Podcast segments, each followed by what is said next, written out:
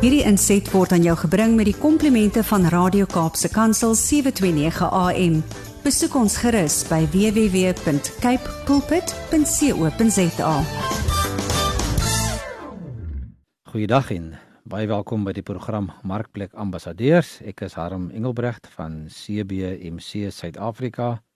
En CBMC is die Christen Sakemanne of die Christian Business Men's Connection.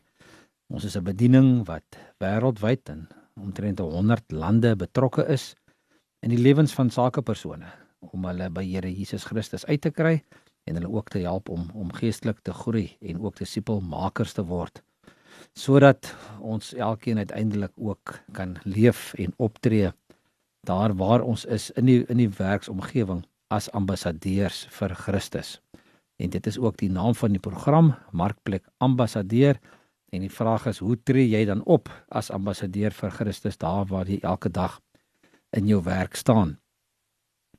En een van die belangrike dinge natuurlik as jy eh, in 'n besigheid staan is dat jy ook 'n leier is en dat God jou ook daar gestel het om as leier op te tree oor mense en dat daar sekere beginsels is, ehm um, sekere waardes wat nagekom moet word as as 'n leier en ek is op hierdie stadium besig met 'n reeks. Ek dink ons trek vandag al daarby nommer 9 wat ons bietjie praat oor leierskapslesse of beginsels wat ons kan kry uit die Bybel uit.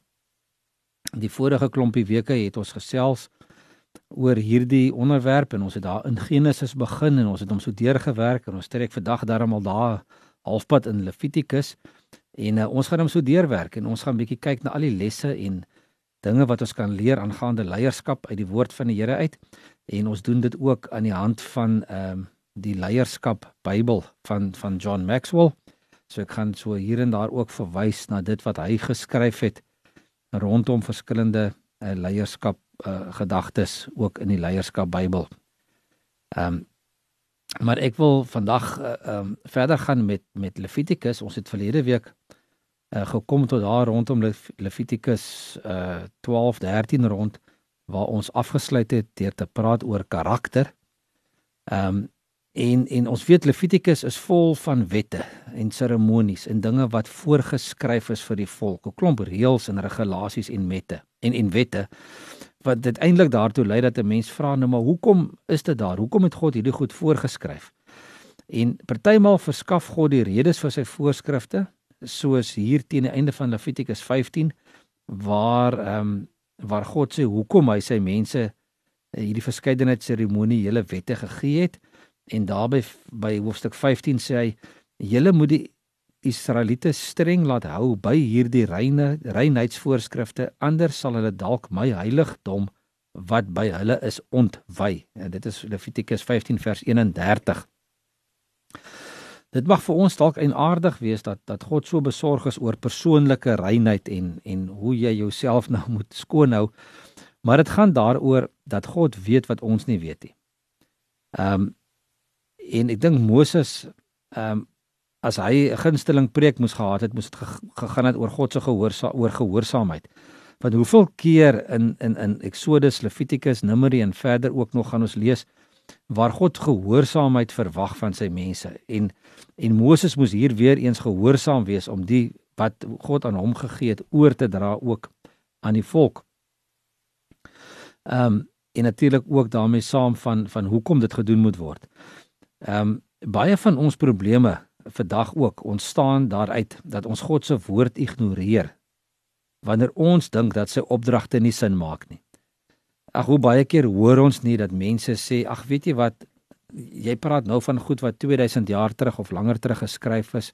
Ons leef nou in 'n ander tyd en dis nie meer belangrik nie. Maar ons weet dat dat God se voorskrifte is ehm um, is vir altyd. Ehm um, hy was gister en vandag in in in ewigheid is hy dieselfde en dat hy goed vir ons as hy vir ons goed voorskryf dan sit met 'n rede want hy weet wat vir ons die beste is. En ehm um, Moses het ehm um, hier ook reëls en regulasies gekry wat wat God vir sy mense gegee het, nie net sodat hulle skoon moet leef nie, ehm um, of kom ons sê sommer rein moet leef in God se teenwoordigheid nie. Ehm um, maar dit dat dit ook vir hulle sal bewaar teen ongemak en siekte en ontydige dood. Want onthou hierdie mense het in die woestyn gewoon op hierdie stadium waar mediese hulp nie noodwendig was nie en waar hulle um in moeilike omstandighede gewoon het. So daar was voorskrifte wat hulle moes nakom om hulle rein en skoon te hou. Um 'n mens kan amper sê um God se voorskrifte is is wat hy gebruik om 'n probleem op te los nog voordat dit die nog voordat die probleem ontstaan het. En Moses herinner die mense dat God altyd die beste weet. Uh vir onsself en vir ons verhouding met hom. So wanneer daar voorskrifte en riglyne is wat wat God gee, dan is dit met 'n rede. Uh partykeer is dit vir daardie tyd met 'n rede en dat dit nie meer noodwendig um, elke elkeen van daai goed vandag nog presies net so uh van toepassing is nie, maar hy het dit gegee in 'n tyd en in 'n um in 'n um omstandighede wat op daardie stadium nodig was. Dan in Levitikus 18 af tot by tot by hoofstuk 21 ehm um, gaan baie oor oor voorskrifte van hoe mens moet lewe ehm um, in jou verhoudings en ehm um, veral oor oor 'n standaard wat 'n mens moet ook handhaaf in jou lewe. En wat is dit vir ons vandag van toepassing as leiers? Ehm um, God wil eintlik hê dat ons 'n hoër standaard moet nastreef as die mense rondom ons. Ehm um, soos ons in die begin gesê het, né, as sy ambassadeurs, verwag hy van ons om om te doen dit wat hy van ons verwag en om soos hy hom soos hy op te tree. En dan vra hy dan verwag hy ook hier van sy van die volk hier in um, Levitikus uh, van vers hoofstuk 18 tot 20 'n hoër standaard as die res van die mense. Ehm um, hy het uiteindelik hierso vir die vir sy volk kom sê dat hulle ehm, 'n um, hoër standaard moet handhaaf sodat ons sodat hulle soos meer soos hy kon wees en ook sodat hy hulle vir hulle bediening kon kon toerus. Maar as ons nou sommer kyk ehm um, watter kenmerke het mense wat besluit om volgens God se standaard te leef? As jy so bietjie op 'n hoër standaard wil leef, hoe lyk jy dan? Ehm uh, wel in die eerste plek jy gaan ehm um, die waardes onderskryf, die Christelike waardes wat daar vir ons in die woord saamgevat is. Ehm um, wanneer jy op 'n hoër standaard leef dan ehm um, of volgens 'n hoër standaard leef, dan sal jy ander mense se belange op die hart dra, uh, met integriteit leef, uh, jou woord hou, um, jou ja is ja, jou nee is nee. Ehm um, ontwikkel gawes en potensiaal. Uh, jy bestuur jou tyd en jou geld goed en dit wat jy het, uh, deel jy graag ook met ander mense. So God verwag van sy volgelinge en van sy kinders om om op 'n standaard te leef wat wat hoër is as die as die normale of as die gewone mense rondom ons as die ongelowiges. Dan 'n belangrike ehm um, kwessie vir leiers is ook die ding van rus. Ehm um, ons lees in in, in Levitikus hier van hoofstuk 25 af dat dat, dat daar 'n hele hoofstuk gewy word aan aan die Sabbatsjaar en die hersteljaar en dat daar dat die grond moet rus, maar ook dat die ehm um, ons weet ook dat dat God ook die die ritme ingestel het van 6 dae werk en 1 dag rus ook vir die mense. En wanneer ons daarna kyk dan weet ons dat daar ook ehm um, God wil hê dat sy mense ook van hulle gewone werksamehede moet rus en ook hulle gewone rotines en hulle dagtaak moet staak en ook uh, en ook moet rus. So wat leer ons hieruit is dat baie keer in 'n besigheid en jy as as sakeman of sakevrou wat hierna luister, raak baie keer so besig en jy so aan die gang dat jy nie uitkom by die punt van rus nie, dat jy nie bietjie afskaal en net rustig raak so so elke nou en dan nie. Ehm um, en en daar's 'n rede hoekom hoekom God gesê het jy moet 6 dae werk en een dag moet jy rus. Ehm um, so as ons kyk 'n paar lesse wat ons kan leer hier uit Levitikus uit rondom hierdie rusjare waarvan gepraat word ook vir die grond en en, en ook vir die mense. Ehm um, dit het aan mense 'n tyd van rus gegee. Uh, Levitikus uh, 25 vers 5 het gesê Julle mag nie eens die opslaggraan of die druiwetrosse van die ongesnoeide wingerde afoes nie. Dit moet 'n land uh dit moet vir die land 'n jaar van algehele rus wees. So die Here het het het het ehm um, voorgestel dat die dat die nie net die land en die uh, uh grond moet rus nie, maar ook die mense moet moet, moet rus. En dan natuurlik het dit ook ehm um, aan die mense geleentheid gegee ehm um, uh, om om kwytskelding uh, en herstel te kry alle Israeliete kon na hulle erfgrond terugkeer nadat en ehm um, net soos God met hulle gemaak het. En dit het aan mense aan ook aan die mense tyd gegee om om na te dink. Dit is tyd wat jy moes gewy het aan die Here jou God. Dit was ook 'n geleentheid vir beloning en herstel. Ehm um, mense kon tyd bestee aan verhoudings. Ek meen hoe baie hoe ba, hoe min tyd spandeer jy vandag nog as as besigheidsman, as sakeman met jou familie en verhoudings met jou vrou en jou kinders en jou naaste vriende en familie. En en ehm um, hier in Levitikus 25 af van vers 35 af ehm um, tot vers 46. Ek gaan nou nie die hele gedeelte lees nie. Ehm um, maar daar staan dat dat daar ehm um, vers 37 sê die vrees vir oorlog sal sal hulle oor mekaar laat val om weg te kom. Maar julle sal geen krag hê om weerstand te bied teen 'n vyande nie. Julle sal tussen die heidene nasies omkom. Maar dan sê daar verder ehm um, dat wanneer jy gerus het en uitgerus is, ehm um, dit vir jou uh dit vir jou goed sal wees. Ehm um, en dat jy dan daardeur deur die bepalinge van die Here na te kom, sal jy ehm um, ook krag hê om om teenstand of weerstand te bied. So dis nodig dat 'n mens ook moet moet rus en tyd moet spandeer aan jou verhoudings. En natuurlik moet 'n mens ook in daai tyd weer jou uh, fokus opnuut instel op God. Ehm um, God wou mense herinner dat hulle sy dienaars is en dat hy hulle Here is. En ehm um, en dat dit nodig is om ook weer te fokus op hom en uh, terug te draai uh, na hom toe. Ehm um, vers 55 van Levitikus 25 sê dit moet gedoen word omdat die Israeliete my dienaars is. Hulle is my dienaars omdat ek hulle uit Egipte laat trek het. Ek is die Here, hulle God. So rus is 'n belangrike gedeelte ook van van leierskap, ehm um, ook in jou besigheid.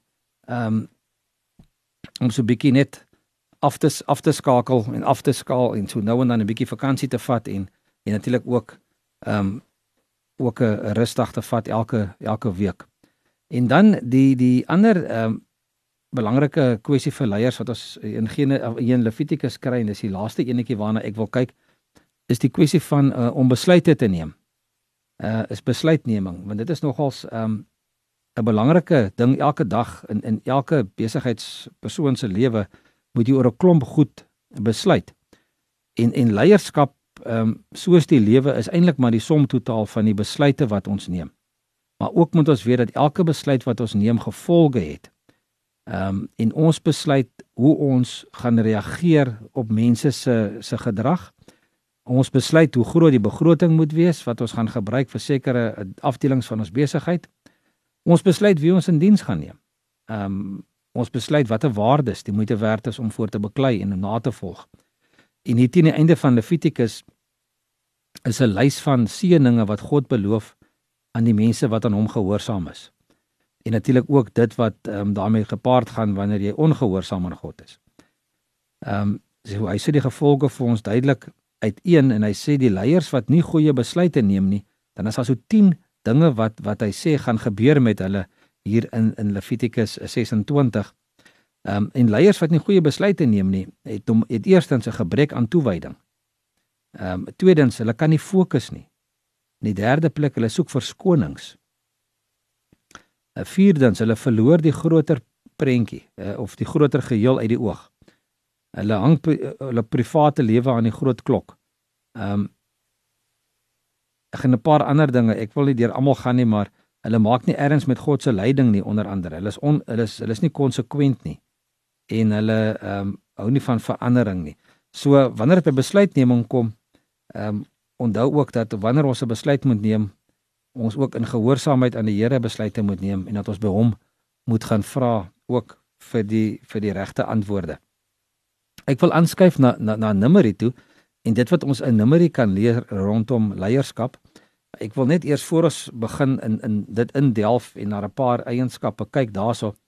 Net eers 'n opsomming vir julle uh, lees hier van Numeri uh, wat ook hier in Maxwell se leierskap Bybel is. Uh, waar hy sê dat Levitikus die seremonie seremoniele wette van Israel beskryf. Ehm um, vertel Numeri weer hoe die Israelitiese leiers hierdie voorskrifte toegepas het.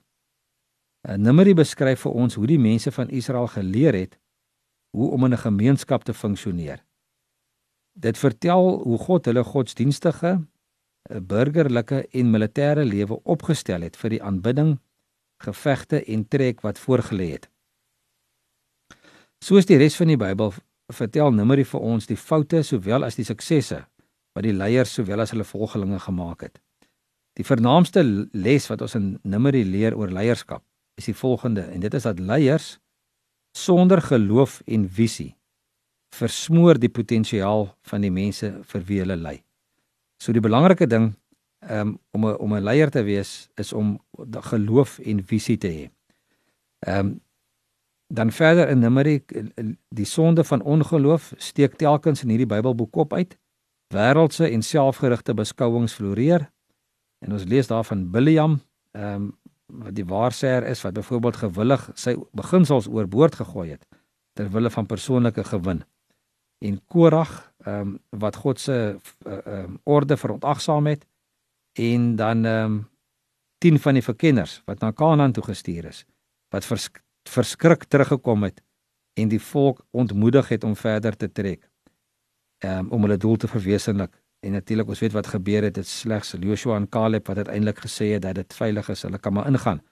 Maar Numeri skets ook beelde van ware leiers soos Eliasar wat uh, as Aaron se seun die plek ingeneem het van hoofpriester na Aaron se dood. En ons lees ook in Numeri van die sukses wat wat Eliasar behaal het danksy die gelowige mentors en rolmodelle wat hy in sy lewe gehad het en wat hom onderskraag het. En hulle het hulle soms hulle geduld verloor met die Israeliete, het Moses en Joshua en Aaron en Caleb voorbeelde gebly vir ons van gelowige beginselvaste leiers. En hulle leierskap verskaf vir ons positiewe lesse hier uit, Numeri uit rondom leierskap.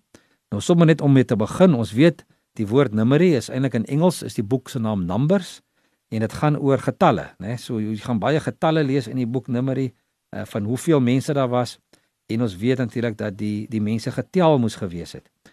Uh, daar moes 'n sensus gehou word. En wat 'n enorme taak moes dit nie gewees het om hierdie miljoene ehm um, Israeliete wat hierso rondswerf in die woestyn uh, te tel. Ehm um, in die eerste sensus moes hulle die die manne tel wat kon oorlog maak, net die weerbare manne. En die werk van van Moses en Aaron was om hulle te organiseer en hulle getel te kry. Ehm um, en hulle toe die werk in hanteerbare stukke verdeel. Uh deur gebruik te maak van stamme en families uh waarin die volk reeds ingedeel was. En hulle het toe nou daarvolgens vir elke stam of elke familie gesê met hulle getalle vir hulle vir hulle gee. En dit is dit is eintlik 'n les wat ons leer hierso weer eens oor orde en wanorde en organisering. En dit is wanneer dinge de mekaar is en dit lyk of daar geen einde is nie en want want waar begin jy nou deur 'n miljoen of twee mense te tel? Ehm um, waar dit 'n bietjie wanorde was, het het hulle twee toe gekom, Moses en Aaron. Hulle het 'n bietjie orde ingestel, die mense ingedeel volgens hulle stamme, volgens hulle families en daar het hulle toe nou baie maklik hierdie hierdie tel ehm um, of hierdie sensus um, afgehandel. En daarmee saam natuurlik net in die volgende hoofstuk waar hulle die kampe moes opslaan, ehm um, lees ons weer van die die goeie beplanning en struktuur wat Moses en Aaron weer hierso aan die dag gelê het. Ehm um, Moses het die verskillende stamme se kampe in die woestyn eh, gerangskik volgens 'n spesifieke metode. Hy het die tabernakel wat ook die tent van ontmoeting is in die middel van die kamp opgerig. En die priesters het toe daar rondom tent opgeslaan en daar rondom gebly. En toe het toe toe het die res van die 12 stamme simmetries om die priesters uh, uh, en leviete laat kamp opstel uh, drie stamme aan elke van die vier kante. So as jy nou 'n prentjie vir jou probeer uh, uh, voorstel die tent van ontmoeting in die middel dan in vier rigtings noord, oos, suid en wes. Elkeen van hulle het hy toe nou uh drie uh stamme aan elkeen van hierdie kante laat op laat laat laat op uh, kamp opslaan. En dit is 'n goeie ding om so te beplan en te organiseer. So by Moses leer ons eerstens dat daar moet beplan moet word om te beplan. Jy moet tyd afstaan vir beplanning en organisering. En dan die tweede ding is jy moet jou belangrikste doel moet jy bepaal. Ehm um, hoe lyk die groter geheel? Wat wil ek bereik wanneer ek nou hierdie kamp opslaan? Want ek weet Moses moes daarmee 'n eindprentjie in gedagte gehad het om net hierdie mense um, te organiseer. Ehm um, jy moet die situasie kan opsom, uh bepaal waar jy staan voordat jy 'n strategie ontwikkel. En dan moet jy die behoeftes wat jy daar wat daar is in volgorde van belangrikheid rangskik. Ehm um, maak seker ook dat jou mense ehm um, stem saam oor die oor die prioriteite uh, dit wat bo aan die lysie staan. En dan moet jy die regte vrae vra, né? Ehm um, jy moet vra uit oor ehm um, wie waar uh, gebruik kan word en wie waar ehm um, ehm um, diensbaar kan wees. Ehm um, hulle sê ook hierso wanneer jy regte vrae vra, moet jy uitvra oor die mark, oor leierskap, oor inkomste, oor verslaglewering, verslaggewing en beoordeling. En dan moet jy duidelike doelwitte stel. Formuleer realistiese doelwitte wat met julle oortuigings uh uh ooreenstem. Dan moet jy duidelik kommunikeer, verduidelik en dra oor. Vertel vir die mense waarmee jy besig, wat wil jy doen wanneer jy hierdie struktuur wil opstel en identifiseer die struikelblokke. Ehm um, jy moet visualiseer wat jy graag wil verrig en kyk wat is moontlik in die pad daarvan. Ehm um, wees aanpasbaar in jou beplanning, dinge kan verander. Ehm um, natuurlik 'n tydrooster. Stel 'n tydrooster op vir alles wat jy kan doen. Ehm um, teken dinge op die kalender aan. Stel sperdatums. Ehm um, ons praat baie keer van 'n 'n due date of 'n sperdatum of 'n ehm um, die datum waarteen sekere goed moet gebeur. Wanneer ons nie vir onsself begin sperdatums opstel en die goed begin neerskryf nie, dan kan dit maklik raak dat 'n taak wat 'n dag of 2 moes neem, sommer 'n maand of 2 vat. So ja, 'n um, bietjie dissipline aan die dag lê deur ook die goed um, so aan te teken. En dan die laaste tweeetjies, ehm um, begroot vir alles wat jy wil doen. Stel die koste vas en wanneer dit afgehandel gaan wees, monitor gereeld en korrigeer soos wat jy voortgaan.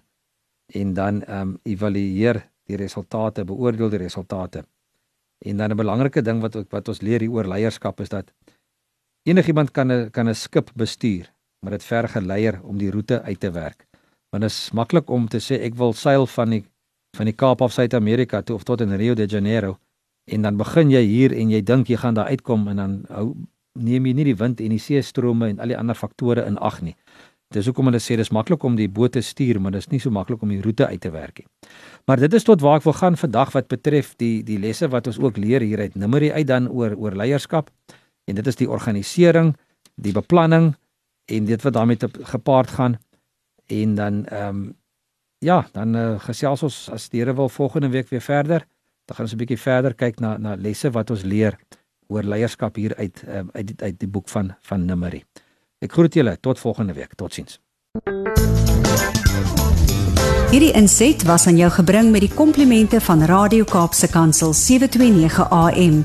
Besoek ons gerus by www.cape pulpit.co.za.